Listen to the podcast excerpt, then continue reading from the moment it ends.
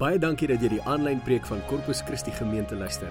Gaan like ons op Facebook by Corpus Christi Panorama en sien waarmee ons besig is en hoe jy kan inskakel.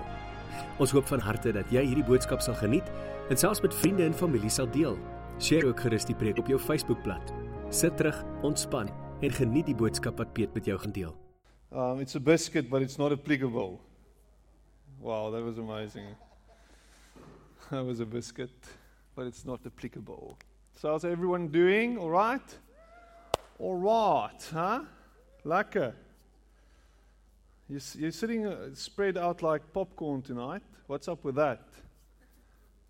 Huh? So here's someone, and there's someone, also so julle spulbring and also agter. But it's nice to have you all here. You're so welcome. And um, so let's let's kick this off with a with a nice prayer, and then for the next hour and a half, we're gonna look at some Luke and some uh, Genesis and some Psalms, and maybe we're gonna get to Hebrews, sort of in between. It's gonna be it's gonna be great. So let's close our eyes and, and pray. Heavenly Father, I want to thank you, Lord, that that you're you're our dad. We're, we're your children. That's the relationship we have with you. Thank you that we are not your slaves. Thank you that we're not some, some minions that you can order around, but that you are in a relationship with us based on love and affection and grace. And for that, I'm, I'm really grateful. Lord, I pray that you'll bless us tonight. Thank you that you're not far away, that you're here, and that we're in your presence. That makes it, it makes it so amazing to know that, that you're not looking at us from a distance, but you're here. You're welcome. Amen. So this morning I, I preached a sermon which was sort of a, it was like it, it had this, this bit of an old school feel because it was a lot of, you know, laying down some, just some law. And I'm not saying law in the sense of old law where we're under a yoke and we, we constricted and void of any hope and stuff. I'm not talking about that. I'm just talking about just looking at your life again, just trying to see your life in, in perspective, just getting your house in order, maybe. Because that's, that's asked of us every now and then. You know, as children of God, we, we can't run around and mock and do our own thing. We still, you know, we still, we still His children. And I know uh, how I want to raise my children. I know how I look at them. Even, I, even if I love them with all my heart, I need to discipline them. I need to look at them and say, you know what? You're out of order, you little six year old. You. I love you. But now, no more iPad for you. Ever again in your whole life. Forever and ever, amen. And then I forget and she forgets, and everybody's happy after a while. But the line was drawn. And I believe that God looks at us every now and then and says, You know what? You're bringing this on yourself. You're out of line. You need to get back in line. You're feeling far away and distant from me. It's because you're trying to run away from me. Don't do that. Come back to me. And there are a few things that we need to look at. And that's very important. So, you know, without, uh, didn't try and come across as, you know, ah, hitting you with a rod and trying to violently bring you back in line. I was reminding us, even myself, because I preach to myself as well, that we need to spend time with God. We need to look at our lives and we need to make time for Him. That's very important. We need, we need to walk away from temptation. It's important. We need to stop faking it. We need to stop making as if everything is all right if it's not. We need to do that. So, tonight is, is, a, is a gentle reminder that we are called by God to be His children. Okay, now that's very broad. But we're going to look at story in Genesis, and then we're going to go straight back to the New Testament and look at Luke um, from the Gospel of Luke 12, from verse 32 to 40. And um, yeah, let's take it from there. I don't know if you know that Abraham once was called Abram. Do you know that? Without the H, without the ham. he was Abram. Bram instead of Ham. Okay? So that's, that's, that, was, that, was a, that was brilliant tonight on my part. I really think so. I think that was good. That was probably my best stand up routine ever. But Abram was called Abraham was called Abram before he was called Abraham. And that was before before he knew that he was called by God for something greater. When God called him for something greater, he gave him a new name. Gave him the name of Father of many nations. And you know the story, and I'm going to read it to you. And you, if you want to make notes, you can, you can make notes. It's Genesis 15, verse 1 to 6. So, after these things, the word of the Lord came to Abram in a vision. Do not be afraid, Abram. I am your shield. Your reward shall be very great. But Abram said, O Lord God, what will you give me? For I continue childless. And the heir of my house is Eliezer of Damascus. And Abram said, You have given me no offspring, and so a slave born in my house is to, is to be my heir. This was interlinked into this man's consciousness was the fact that I am hairless. He probably had a lot of hair, but he didn't have a heir. Oh, man, that was bad. That was so bad. It was good. I think it was brilliant. And that is how he saw God's blessing. He saw it intertwined with being heirless, totally being without an offspring. And God says to him, Do not be afraid, I am your shield. Your reward shall be very great. But Lord, what can my reward be if I don't have a son to carry my name? to carry my bloodline. How, what can this reward be? Nothing you give me, nothing you give me will mean anything. It's, it was in this Mid Eastern context, it was really important to have an offspring. And God comes to him and says the following but the word of the Lord came to him This man shall not be your heir. No one but your very own issue shall be your heir. He brought him outside and said, Look towards heaven and count the stars, if you are able to count them. Then he said to him, So shall your descendants be. And he believed the Lord, and the Lord reckoned it to him as righteousness. I, I mean, and you know the story. He was old, his wife was old, and she was barren. She couldn't have children. But God said, There's going to be descendants, and they're going to be as many as the stars in the sky. Isn't that a crazy prophecy? Hear this. Look at your own life in this moment. What will you do what will you do if you were guaranteed 100% success? That's your guarantee. What will you do if you were guaranteed 100% success?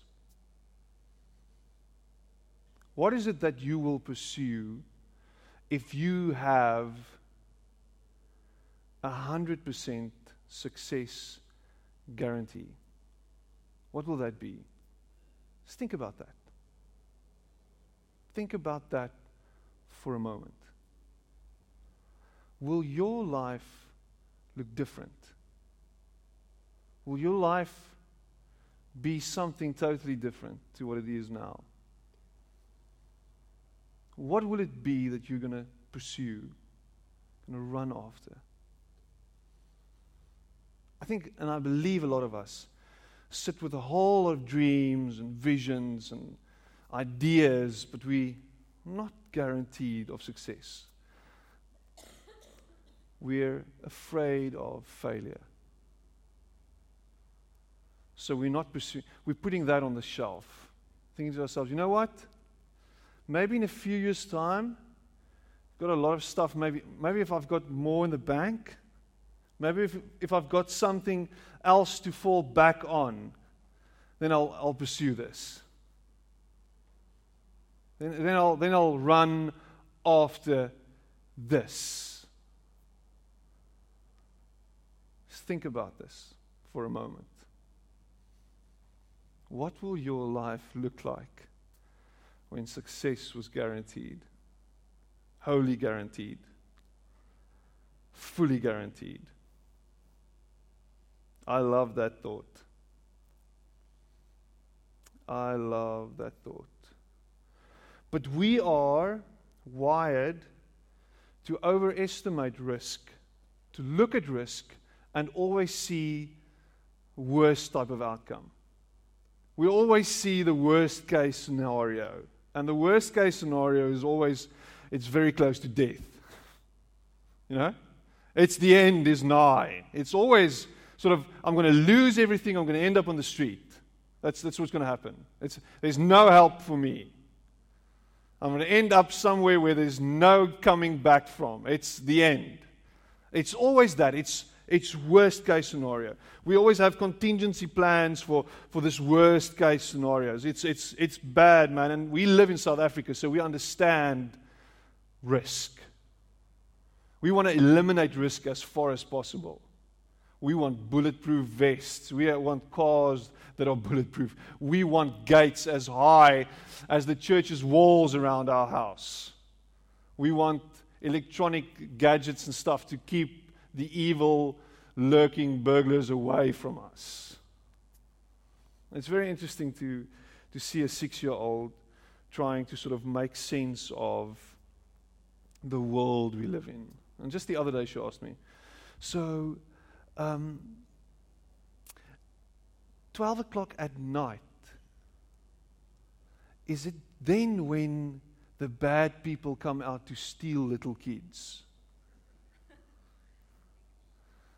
And I'm sort of, no.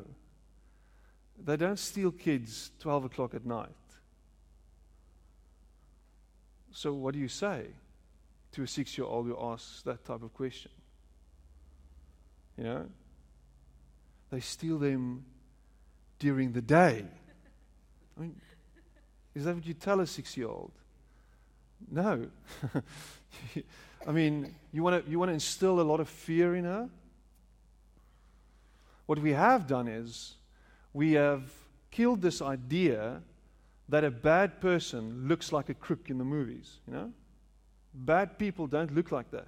They don't wear balaclavas and masks and black clothes. You know, that's, that's, not, that's not a bad person.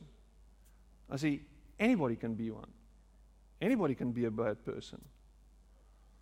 But it's tough, you know. How do you, how do you look, look at your six year old and your, your heart doesn't become sort of gripped with fear for her future?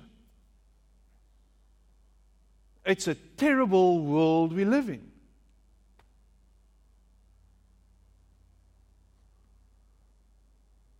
And then you come to church and you hear that God is in control, God loves you.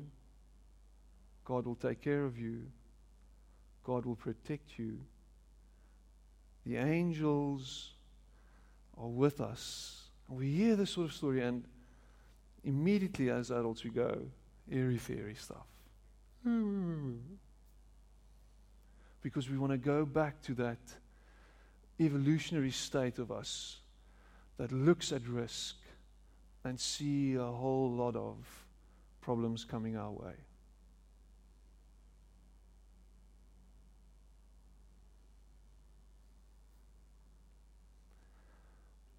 But hear God. But hear Him.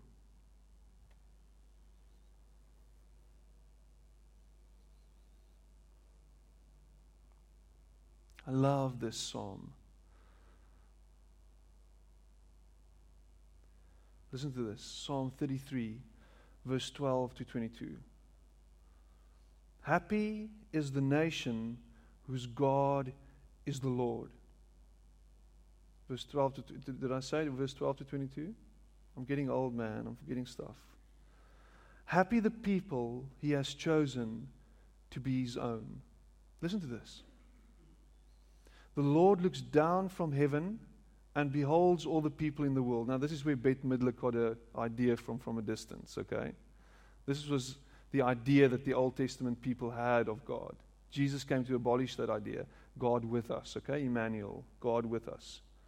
The Lord looks down from heaven and beholds all the people in the world. From where he sits enthroned, he, his, he turns his gaze on all who dwell on the earth. He fashions all the hearts of them and understands all their works. There is no king that can be saved by a mighty army. A strong man is not delivered by his great strength. The horse is a vain hope for deliverance. For all its strength it cannot save. Behold, the eye of the Lord is upon those who fear him, on those who wait upon, listen to this, his love, to pluck their lives from death and to feed them in time of famine. Our soul waits for the Lord. He is our help and our shield. Indeed, our heart rejoices in him, for in his holy name we put our trust.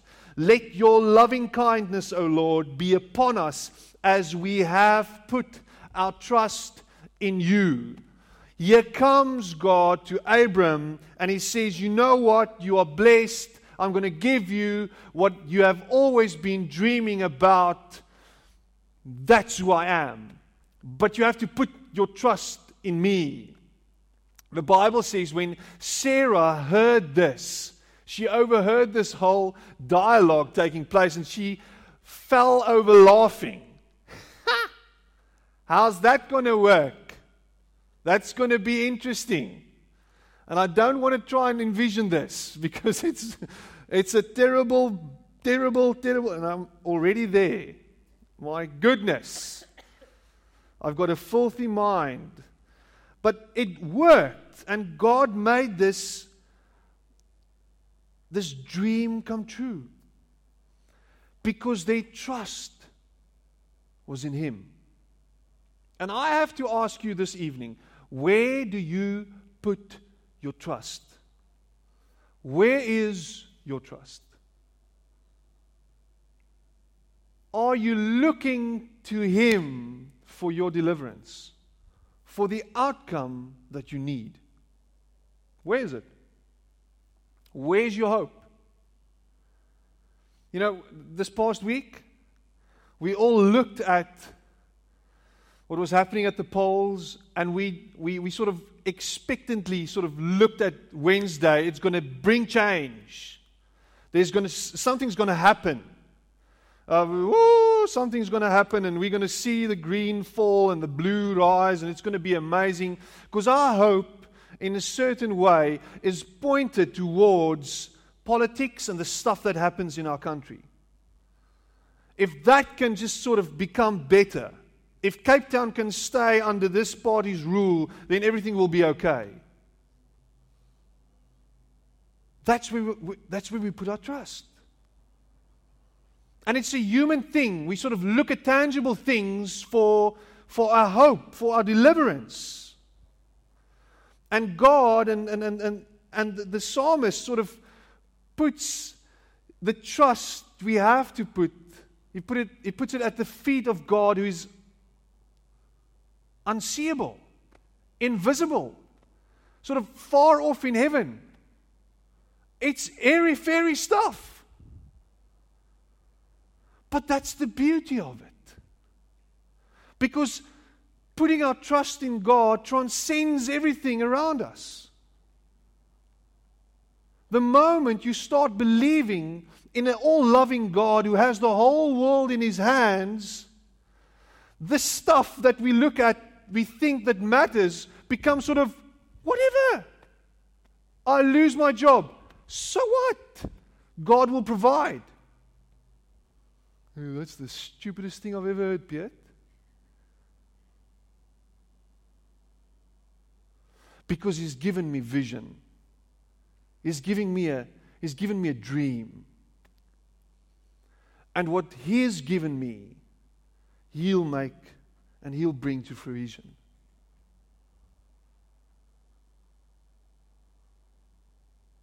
Because He is God. And I have to follow Him. But I have to do what I can do. And what is it I can do?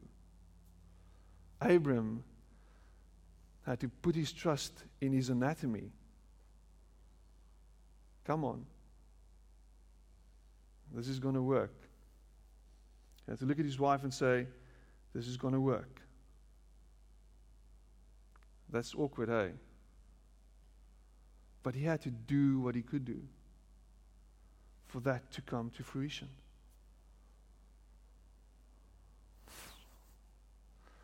Probably the most awkward silence I've ever experienced in my life, and that's because I've made it awkward.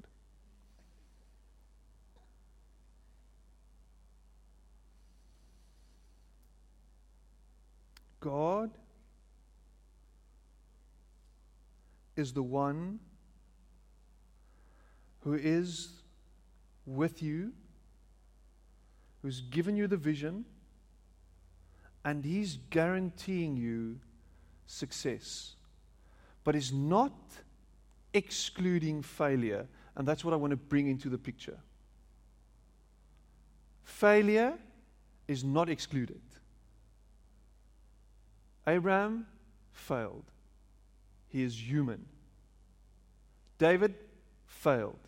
Noah failed. Everybody the Bible uses as examples failed. Jesus didn't fail. Looking from a human point of view, he failed because he died. But that's our human eyes. But failure is almost certainly guaranteed. Are you getting up from that failure, though? Are you looking ahead? Are you asking God to continue pushing you and having your back and being with you?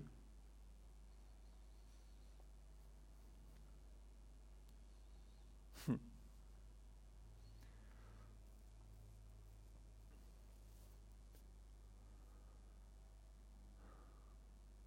Jesus comes to us in Luke 12. And I want to bring it back to the Gospels. Luke 12, verse 32 to 40. Listen to this. Do not be afraid. This is how Jesus starts speaking to the people in front of him. Do not be afraid. Don't be afraid. I'm just going to put it out there again. Don't be afraid. Do not be afraid. What are we hearing from our leaders around us today? What are we hearing from the Trumps and the Zumas? What are we hearing from them? Be very afraid. Be very afraid if the ANC loses its grip on this country because we're going to go back to apartheid. Be very afraid if Hillary Clinton becomes president of America because then you're going to see what's going to happen to this country. Be very afraid. And once you start using fear to lead people, you are missing and you're losing the plot. Because you are coercing them, You are busy with fear mongering. You are busy driving out love, and you're bringing fear back and you're saying, I'm going to control these people. I want to control them because I've got an alternate, what do you call it? Ulterior motive. Listen to Jesus. Do not be afraid. How's that for freedom? How's that for a different approach, a different type of invitation? That's how he starts a conversation. I want to tell you tonight do not be afraid. Because fear takes you back to your animal brain, your reptile, your reptilian brain. And it will strip you of all your senses and your humanness, your humanity, and it will take you back to a place where you can't trust anyone, let alone God.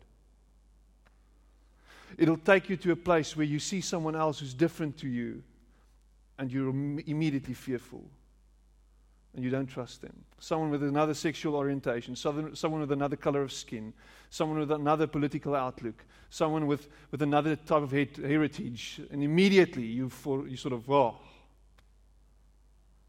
When Jesus brings it out, he says, Do not be afraid.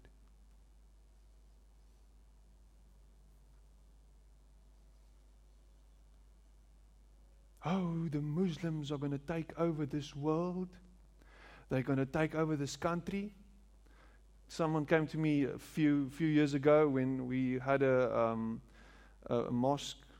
I don't think it's a mosque, a proper mosque that opened up here in, in Panorama. Came here to me, there, there, and said, "You know what? The Muslims are taking over Panorama. We should be very afraid."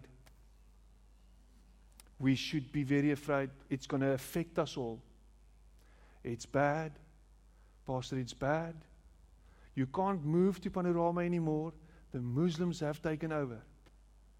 So I don't know about that. I know, maybe the Chinese have taken over, I say.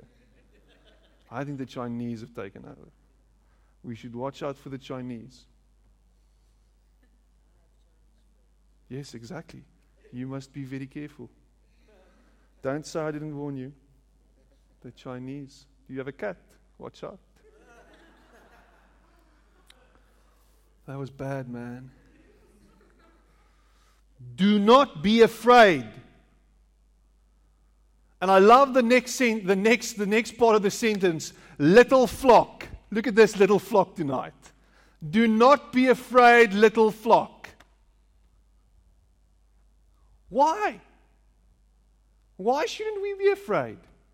We're surrounded by Muslims and Chinese people and dead people. I see dead people. Yes, we are surrounded. Isn't that, isn't that just beautiful? We are surrounded by the people that God has placed around us. The people we can infect with His love. The people we can approach with the light that He's given us. I love that. Do not be afraid, little flock, for it is your Father's good pleasure to give you the kingdom.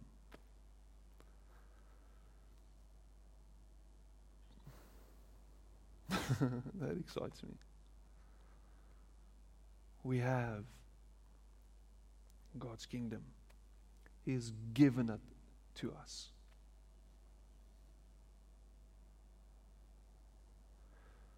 And he says it beautifully in verse 33. I love this. Sell your possessions and give alms.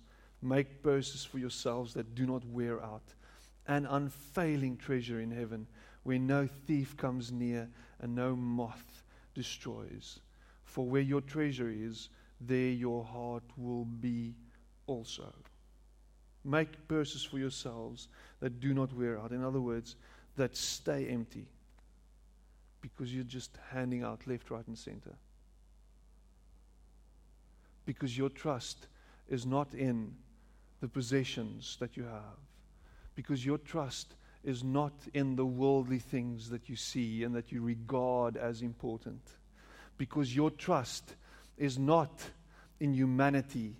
Your trust is not in, oh my goodness, in political parties.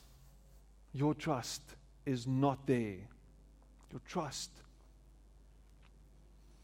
is with me, with God, with the one who is not of this place, with the one who is greater than we are, with the one who is more than we are. That's where my trust is when I engage in the vision that He's given us. My trust stays and remains in Him. And you know what? He invites each and every one of us on a journey of togetherness. He doesn't call each and one, every one of us individually to fulfill a certain personal destiny. The Christian life is not a life of self actualization and coming to sort of a, a, a renewed state of consciousness. That's where the atheists and the New Age people love going. You know, it's a higher consciousness. You sort of become more self aware and you understand yourself better. You understand the world better. It's a new type of living, a new way of life, but it's all on you, the individual. Love and God, by implication, is not particularly interested in your own godlike mind. What He is interested in is in your grasp and your glimpse and your look at community and other fellow believers and taking them along for the ride, being with them on this journey, accepting each other, loving each other, giving and engaging with each other and to each other. But if you're a Lone Ranger Christian, you're missing the point. You know, I'm, I'm spiritually, I'm growing, Piet you know, and I'm, I'm not connected to a church, you know, anymore because I found churches to be a place of, you know, Pharisees and a place of, you know, it's a lion's den and it's sort of, it's sort of fake and, you know, I don't go there. I'm on my own mission. I'm sorry if I'm stepping on your toes tonight. Actually, I'm not. But God is not interested in the singular Christian who walks around and thinks that he's following Jesus. He needs you. Listen to this.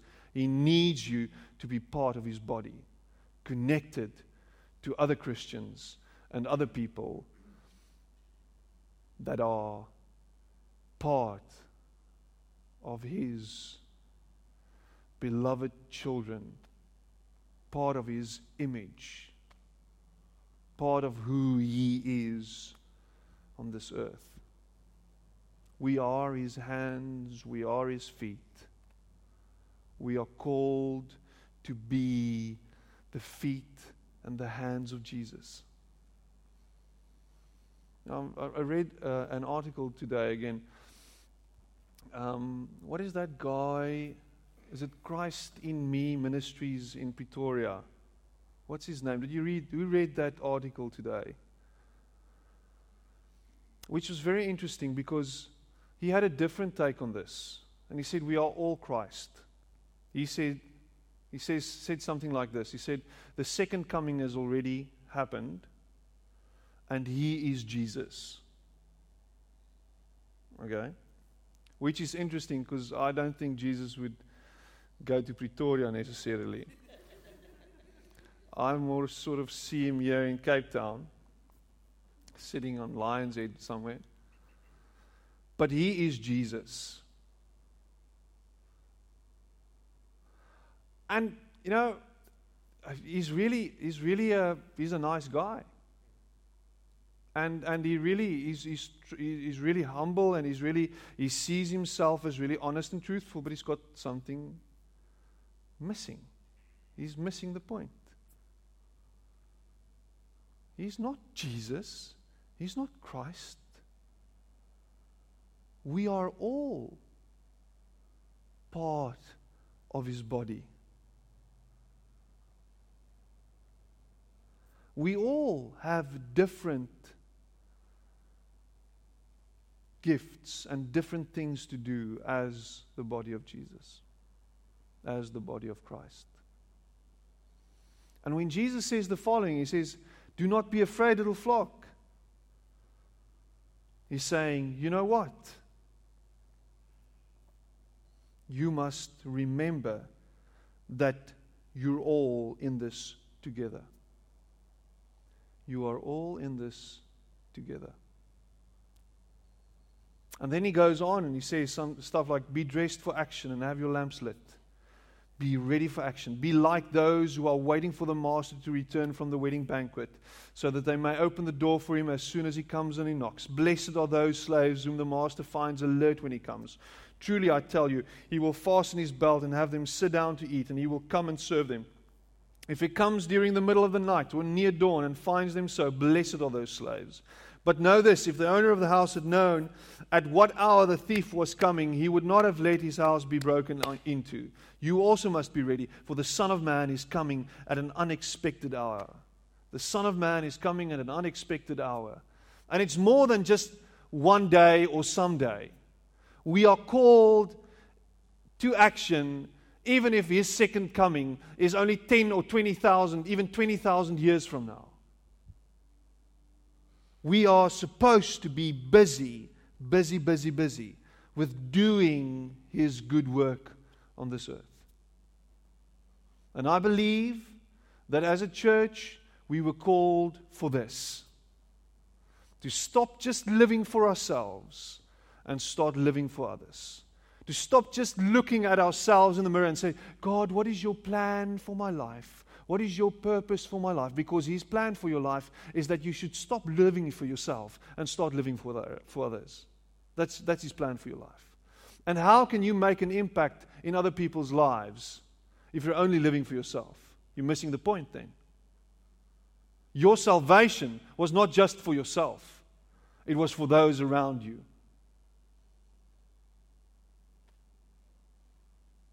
It's not about just going to heaven one day because then you're missing the point because it's, then it's just about you. It's about the here and the now, being His hands, being His feet, and doing His work, and becoming part of this body of believers that are part of the descendants of Abraham. That's it. You are called to action you are called to action. In every single situation you find yourself in, how can this be beneficial to another person? How can this add value to someone else's life? How can this make an impact for someone else? How can this be the work of Jesus? The work of the Master? How can I be his servant? How can I serve him in this moment? You don't have to go somewhere else to do this. You don't have to leave your job to do this. You don't have to put anything, everything away and run away from everything and start something else, totally different to start doing this. You can do it here and now, today. Amen. How's that for a blunt ending? Let's pray. Heavenly Father, Thank you that you're telling us, you're reminding us that we shouldn't be afraid.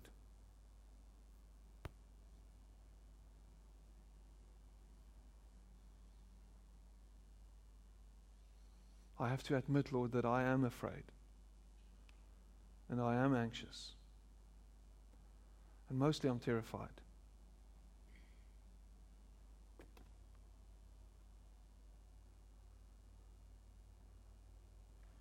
And that's why I try and control everything around me. That's why I try and try and control every single person around me. Help me to let go. Help me to trust you. Help me to know that you will take care of me. And that everything will be okay.